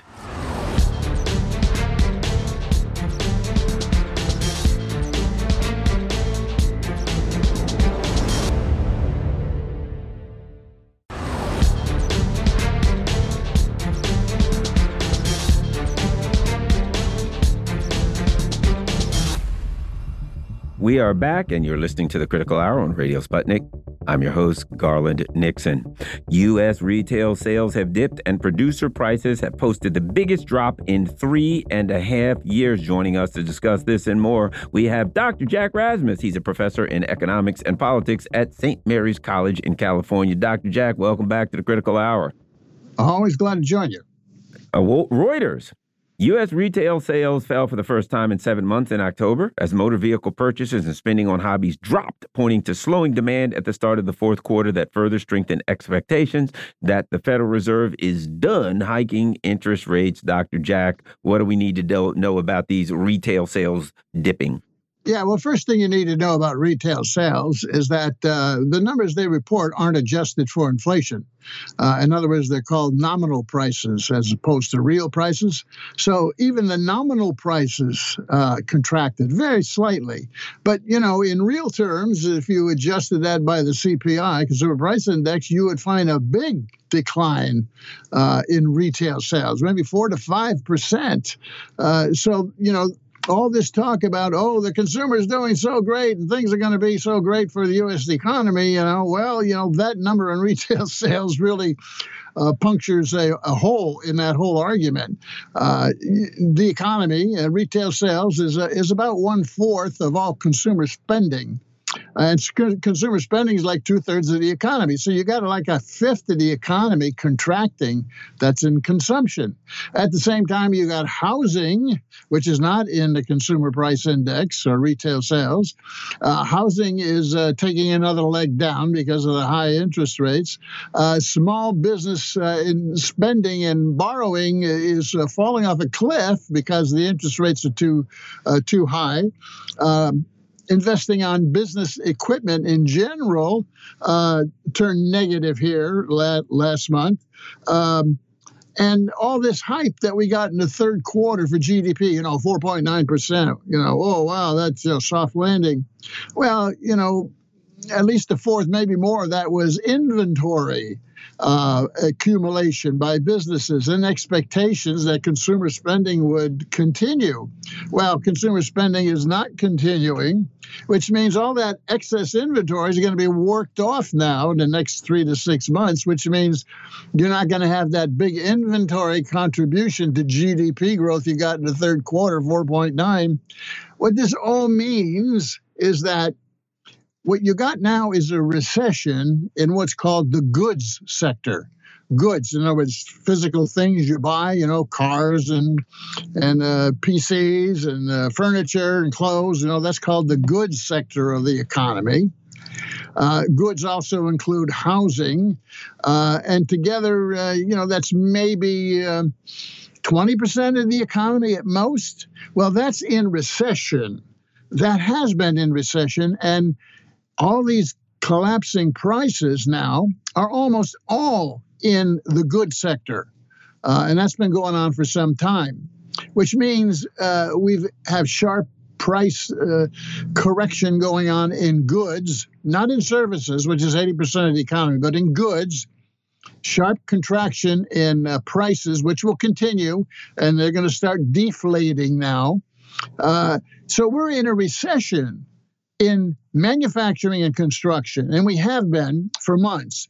Uh, the what's called the Purchasing Managers Index for manufacturing, uh, which is a measure of what's going on in manufacturing activity, has been contracting now for more than six months. It's been contracting, and of course we know the housing sector has been contracting.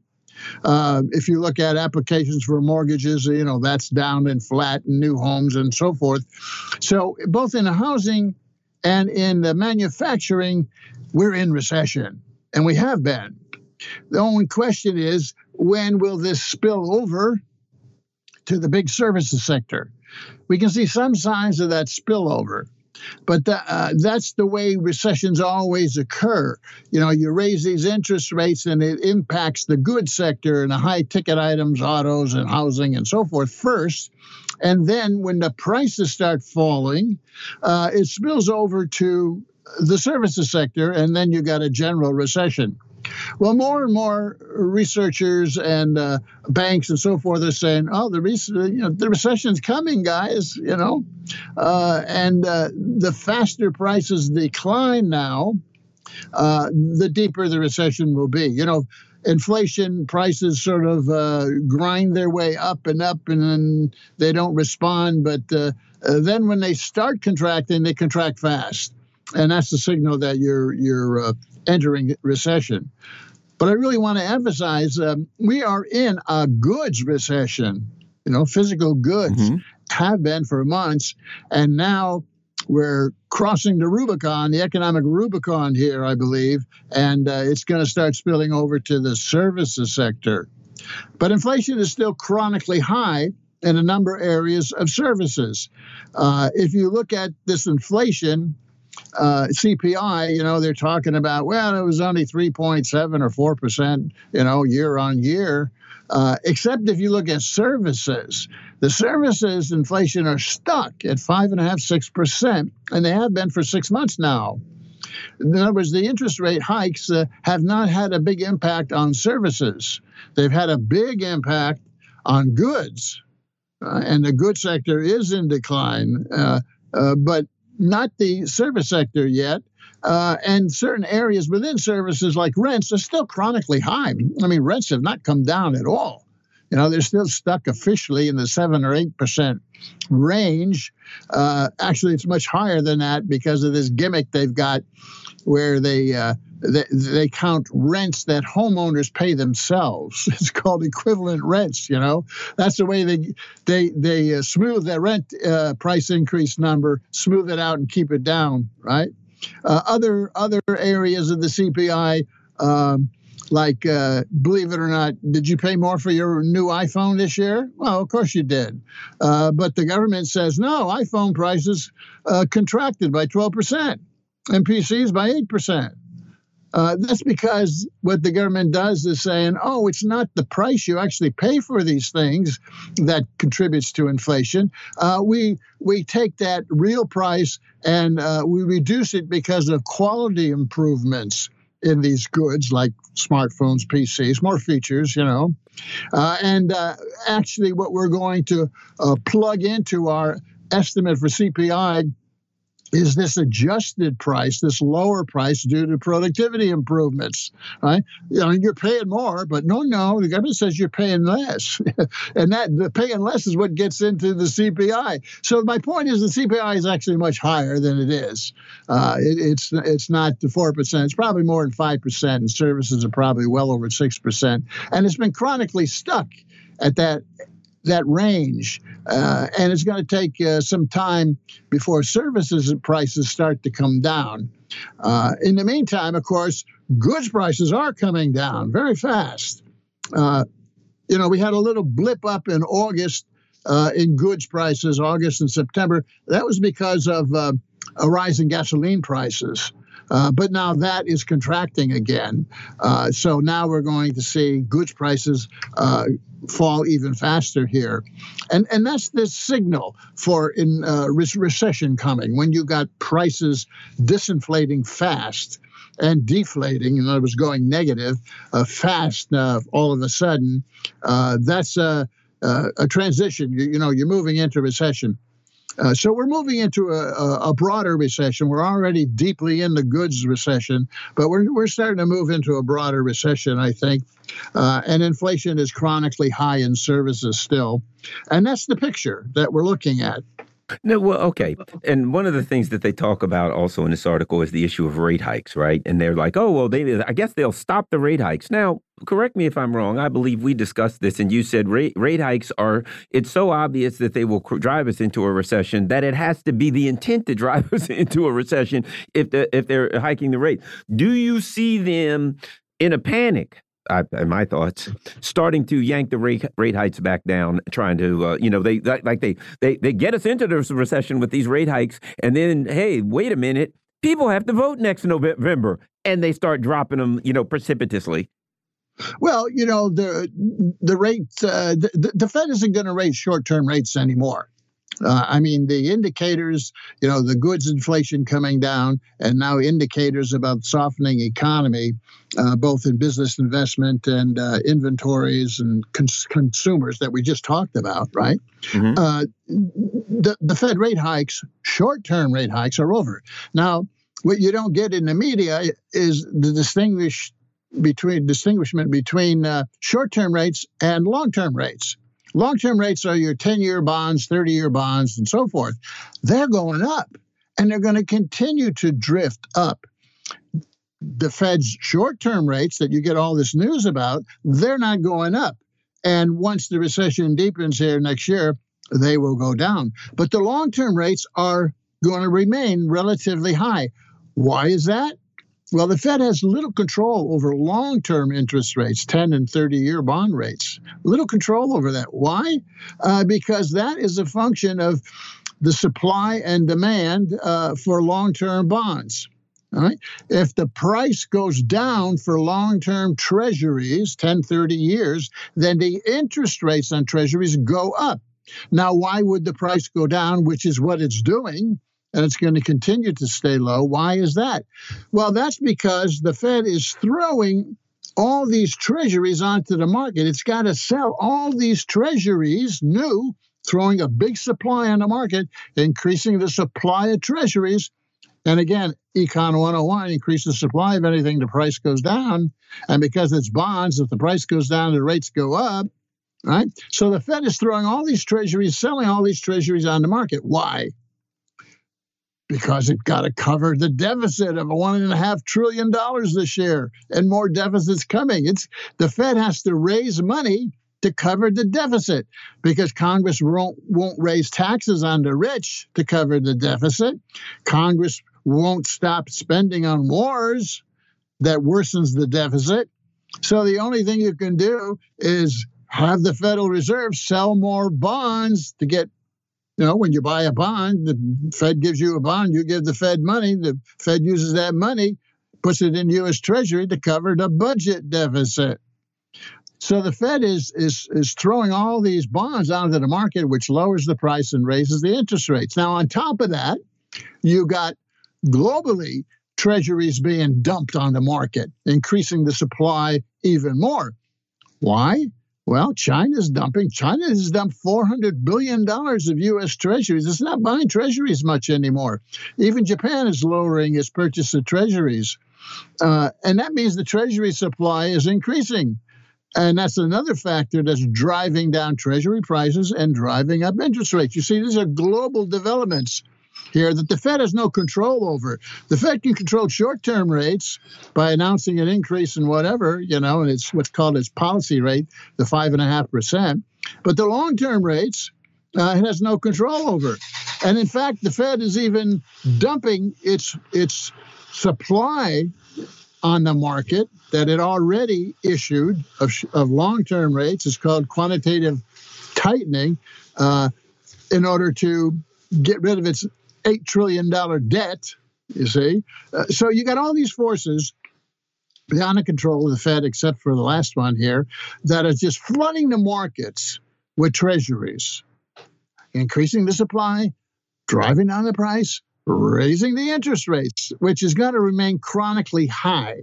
The 10 and especially 30 year bond rates are going to remain chronically high, even though the short term rates aren't going to be raised anymore. Wow. Well, it sounds like a crisis of capitalism that is not going to be remedied anytime soon.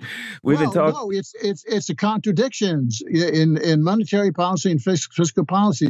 The U.S. Here, here's the contradiction. We only got about fiscal, thirty seconds. Thirty seconds. Okay, fiscal policy is taxing and spending, right? Mm -hmm. uh, we're getting all these big tax cuts to the rich and corporations for years now, $15 trillion.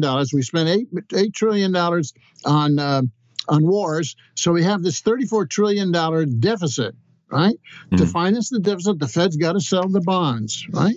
Well, when the Fed uh, sells the bonds, uh, it exacerbates the fi- uh, the monetary, the financial side uh, of, of, the uh, policy. Uh, but what's driving it is the fiscal crisis, you see. Fiscal tri- crisis and the contradiction of massive uh, deficits is driving the monetary crisis, and we're dumping too much treasuries on the market.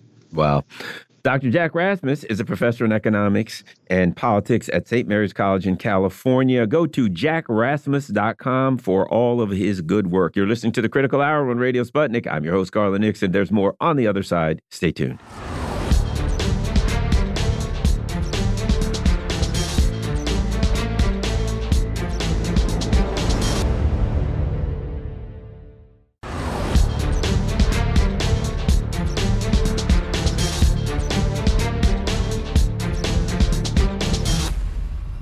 We are back, and you're listening to the Critical Hour on Radio Sputnik. I'm your host, Garland Nixon, doing double duty for my main man, Dr. Wilmer Leon, who will be back tomorrow. President Biden has raised eyebrows after the somewhat successful APEC summit in California. He referred to the president of China as a dictator. Also, we need to think about the origin of neoconservative and the neoconservative policies. Joining us to talk about this and more, we got Caleb Maupin. He's a journalist and political analyst. Caleb, welcome back to the Critical Hour. Sure. Glad to be here as always. Footage has captured U.S. Secretary of State Antony Blinken appearing appearing taken aback and shaking his head disapprovingly after President Biden called Chinese President Xi Jinping a dictator. You know, I watched that and uh, it was far worse than just being taken taken aback. If you look at Antony Blinken's hands, he, his fingers were wiggling, his body language, he had that "Oh my God, what has happened now?" look on his face. Um, a man who I don't often feel sorry for, but I had to even feel sorry for uh, Antony Blinken after seeing that. Your thoughts on the they're what they're calling a gaffe? I think it's something else. Your thoughts, Caleb Maupin? Well, I I think that a lot of progress was actually made yesterday, and the fact that Biden was able to sit down with Xi Jinping, that they were able to reestablish military con, uh, contact, uh, the fact that you know that Xi Jinping was able to come to the United States and have an event uh, where he gave a, a, great presentation, and also was able to meet with the president of the United States. Um, but at the same time, uh, Biden is also, you know, in a vulnerable spot where he could be accused of being soft on China. The Republicans are attacking him for being friendly to China, et cetera. So it sounds like Biden wanted to uh, take a swipe at uh, the Chinese leader, uh, and in order to protect himself, um, you know, they're trying to make it sound like this was an old man, you know, an offhand remark from an old man. But this was very planned. Uh, you know, I mean, there was a question from a reporter. They said, "Do you still think Xi Jinping is a dictator, as you called him before?" And Biden said, "Oh, sure, he is. Different system, communist government, et cetera." And uh, I think that this was Biden's way of of trying to shield himself from allegations of being soft on China. That's what it looks like to me. Interesting. Well, let's move on, and this is important stuff. Since 1945, American and British propaganda services have been recruiting intellectuals, usually from Trotskyite media, to invent and promote an ideology capable of competing with communism. This is from the Greanville Post and the article New York Intellectuals and the Invention of Neoconservatism. So, that's something I know you've studied, you know, um, very, very broadly. And, you know, Caleb, I, I've particularly felt that you were a person who would be able to um, uh, uh, explain to our audience what this neoconservative, this catastrophic movement that is guiding our foreign policy right off a cliff, what it is and where it comes from. Caleb Maupin. Sure. Well, I mean, it's quite a story there, but uh, really, you know, you remember that after the Russian Revolution, uh, you had two different leaders uh, after the death of Lenin who kind of came into prominence. You had Stalin, uh, who ended up becoming the next leader of the Soviet Union. You had another guy named Trotsky, and Trotsky had been this well known intellectual, revolutionary Marxist leader around the world. He'd spent most of his life in exile. He'd lived in New York City and in Paris and in Berlin and various places. And after the Russian Revolution, the question was, which way are we going to go? Which way are we going to move forward? And Trotsky had his concept of the permanent revolution. He said the Soviet Union should spread communism all over the world in one giant bloody revolution. And Stalin said, no, I think we can build socialism in one country. We can industrialize, raise our people up out of poverty, uh, and try to try to prepare for when there will probably be an invasion. Right when the capitalist economy collapses, you know they'll probably want to invade us. So let's be prepared and ready to fight off an invasion. And that difference between socialism in one country and the theory of permanent revolution led to a divide. And a lot of the intellectuals and uh, you know, kind of you know, book reading, uh, you know, writers and artists who had been associated with the Bolsheviks and communism were disappointed to see Stalin come to leadership. And when Trotsky ended up fleeing the Soviet Union and moving moving to France and eventually moving to Mexico, uh, they became his kind of international followers as he demonized the Soviet Union and said that the Soviet Union had betrayed communism, that the Soviet Union was not carrying out the, the revolutionary ideas of Marx and Lenin.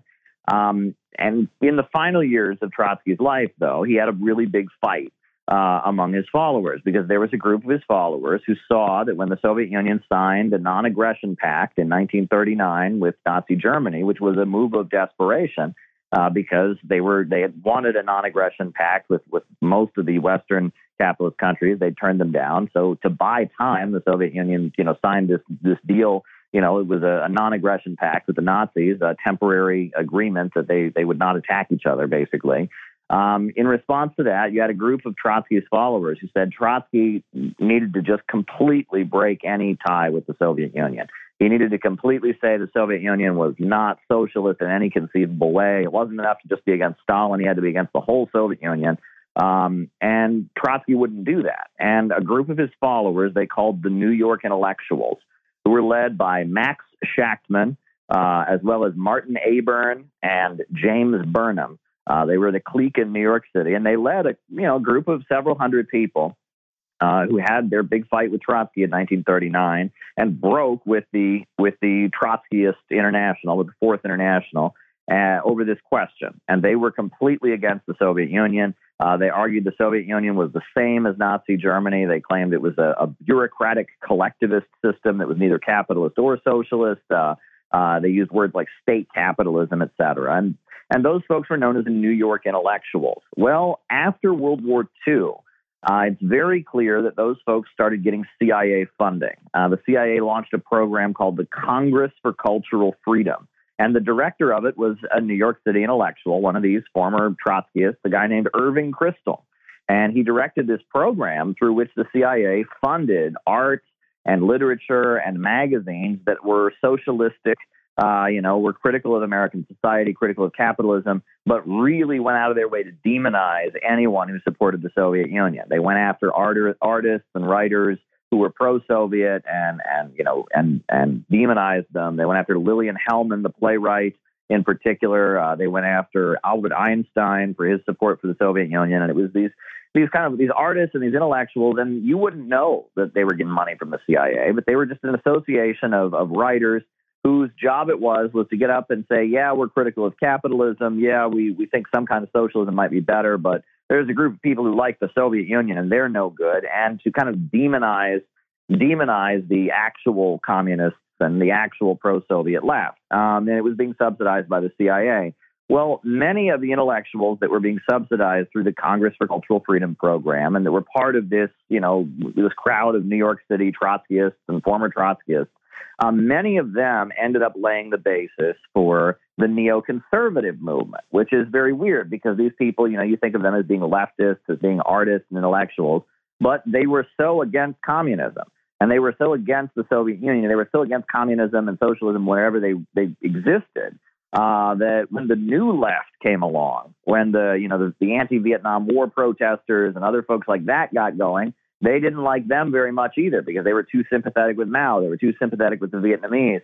And they, a lot of them became Richard Nixon supporters. And the basis of neoconservatism is this faction of kind of middle class New York intellectuals, uh, uh, many of whom were followers of Irving Kristol, had previously been followers of Max Shachtman, and many of whom were mentored by a college professor named Leo Strauss, who was a philosophy professor at New School University and eventually the University of Chicago. Um, and they had this worldview um, that was more or less centered around being in opposition to average people, being op- in opposition to the masses of the people, uh, feeling that deep down average people have authoritarian tendencies, deep down average people are potential potential fascists, potential Nazis, And so every measure needs to be taken to control ordinary people, to, to make sure that ordinary people, their minds and their thoughts are controlled and regulated so they don't get together and threaten freedom.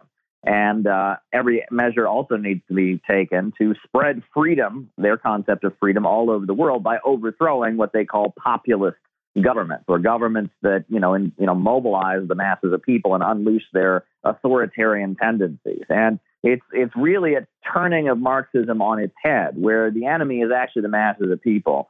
And in order to make society good, you have to protect the the intellectuals. You have to use the noble lie uh, you know, you have to manipulate mass media and confuse people, and that's all necessary because we have to protect and spread freedom at any cost. It's a strange worldview, and it is very much a result of CIA money being pumped into intellectual circles and the manipulation of academia and and politics and and intellectual circles by American intelligence. We only got about a minute, minute and a half left, but it seems to me that uh, neoconservatism is starting to run into a brick wall. We see people start saying, but starting on the right, but we see people start recognizing the danger of their, uh, you know, catastrophic worldview. We got about a minute and a half. Your thoughts? Well, you know, neoconservatism is premised on the idea that average Americans need to be cultivated to see politics in a very black and white way. You know, the United States is all good people that criticize or oppose the United States are all bad, kind of create a my country right or wrong mindset. Uh, and right now, that's not working because average people are angry. They're angry about their living standards going down. They're ang- angry about the fact they, they, they don't have decent jobs. Their communities are falling apart. So it's much more difficult to carry out the neoconservative way of doing things and kind of create that you know, Reagan era, you know, love it or leave it mindset. And that's very much a big aspect of the neoconservative strategy is creating that kind of atmosphere. Yeah, I, I, think you're right. And, you know, as you explain this, it becomes more clear. One of the things that comes more clear is this censorship that's going on, the things that are happening. That seems very much part of the people are a threat. We got to shut their little mouths and tell them to be quiet and do what they're told, which is to die on a foreign battlefield. Indeed, indeed. And that is very much what Leo Strauss and Irving Kristol had in mind for the, the bulk of the population. All right. Thanks a lot. Thank you very much. Certainly appreciate it. And this has been very, very enlightening. We've been talking with Caleb Maupin. Caleb is a journalist and political analyst. You've been listening to the Critical Hour right here on Radio Sputnik. Thank you for allowing our voices into your space. On behalf of myself and my co-host, Dr. Wilmer Leon, we hope you are informed and enlightened. We look, we look forward to talking with you all right here tomorrow on Radio Sputnik. Be safe. Peace and blessings. We are out.